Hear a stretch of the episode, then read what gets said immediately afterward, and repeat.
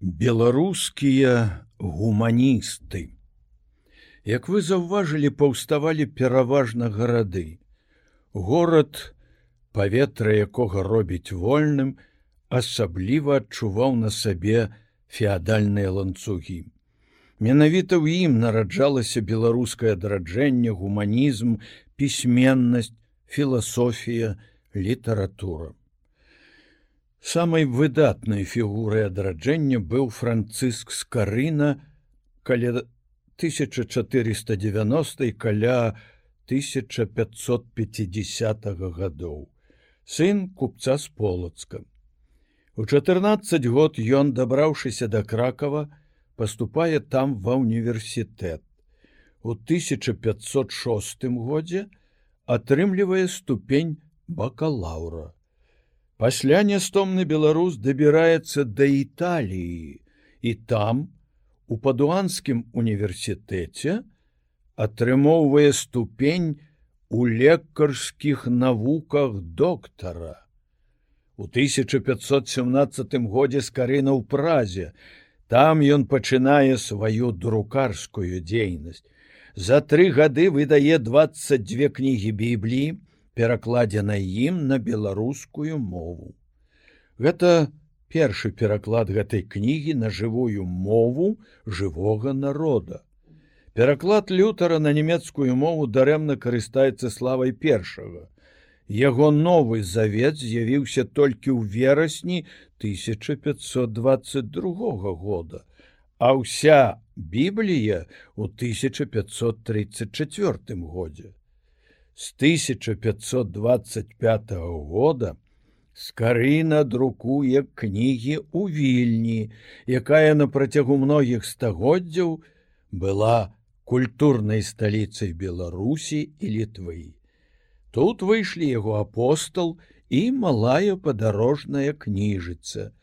Гэтыя кнігі былі сродкам для пашырэння пісьменнасці, асветы, культуры.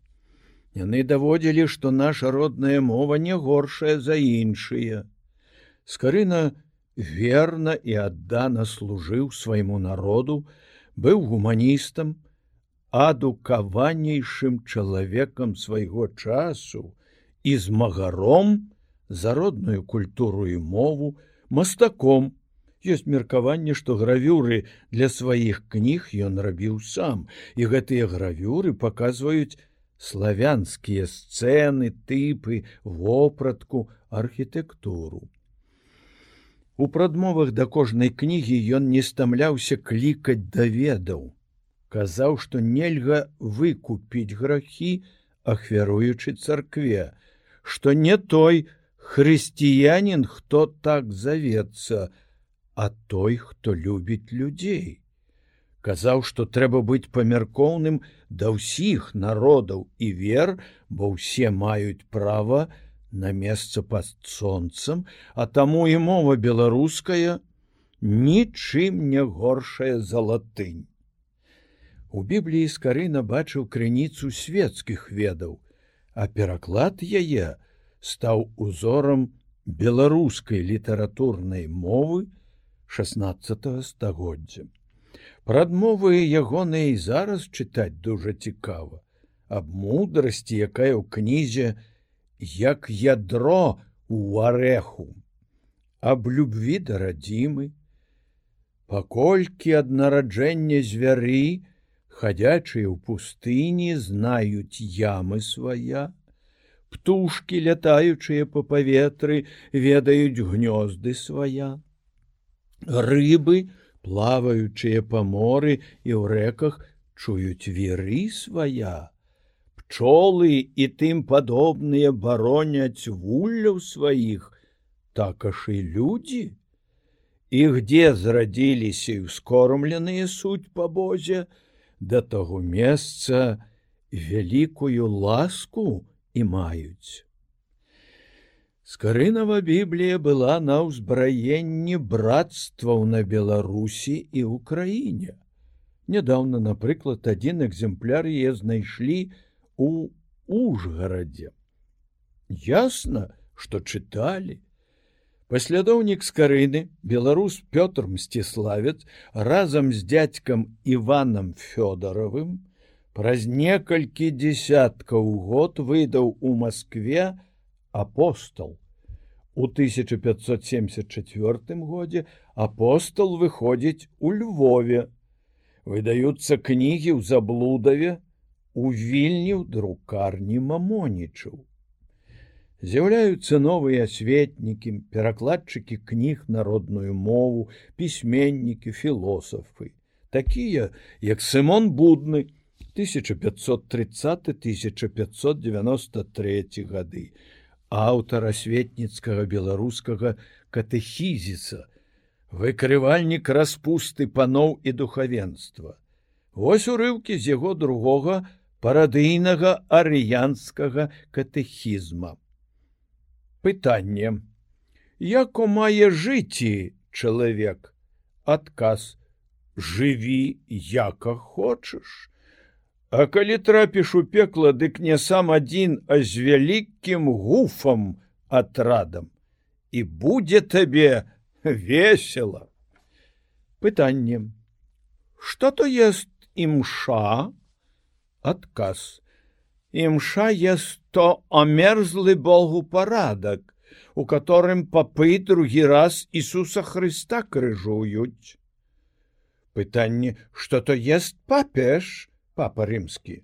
Адказ: Папеш ест то ан антыхрыст белы, чорны, бо ведае пекла, а гэты на сорам наш царквою правіць. Буднага праследавалі, катавалі, здаралася яму і адракацца, як галілею. Але пасля дарачэння ён выдаў шмат кніг, перакладных і ўласных, у тым ліку гнеўную кнігу пратэст супраць варфаламеўскай ночы ў Францыі. Васіль Тяпінскі 1540-1603 гады, які адмаўляў тройцу, і лічыў Хрыста звычайным чалавекам казаў што смяротны не мае права на ўладу над другім смяротным адмаўляў дзяржаўную ўладу і ўдзел у вайне акрамя справядлівай абарончай. Цяпінскі пераклаў на беларускую мову і надрукаваў евангелля уклаў всю сваю богую маетнасць на ўратаванне народа ад невуцтва забабонаў цемры.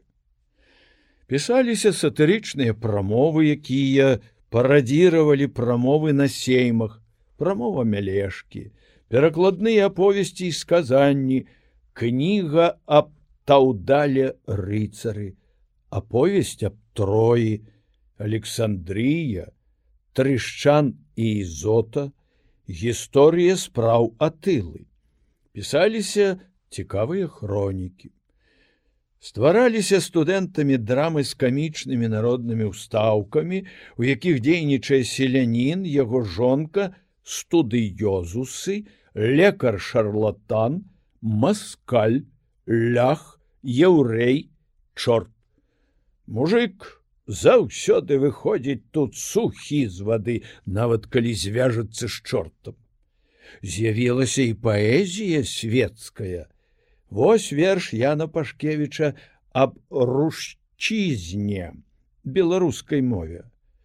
Полска квітнет лаціною, Літва квітнет рушчызною, без той в полсце не прыбудзеш, без сей в літве блазном будзеш весели же се ты русіне тва слава нігды не згіне і вядома вяршыня старабеларускай паэзіі семён полацкі самуил емельянович пятроўскі сітніянович 1629 1680 гады паэт публіцыст драматург. Вучыўся ён з 1640 по 1650 у Кіева-магілянскай акадэміі. Пісаў вершы спачатку па-беларуску, писах в начале по языку тому и же свойственный бе моему дому.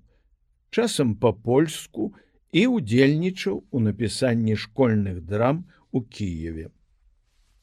Пасля таго, як вымушана быў пераехаць у Москву, стаў роданачальнікам рускай паэзіі. Быў там выдатным асветнікам і педагогам, заклаў асновы рускага вершаскладання, выпіставаў школу рускіх паэтаў, істомін, буслаяў, мядзведзяў. Увёў у Маскве само паняцце тэатр, пісаў п'есы. Ад іх пачынае хутка набіраць сілу руская драматургія. Спачатку пры цары Алексеі пастаноўка асобных п'ес, а пры Пятру першым тэатр як такі.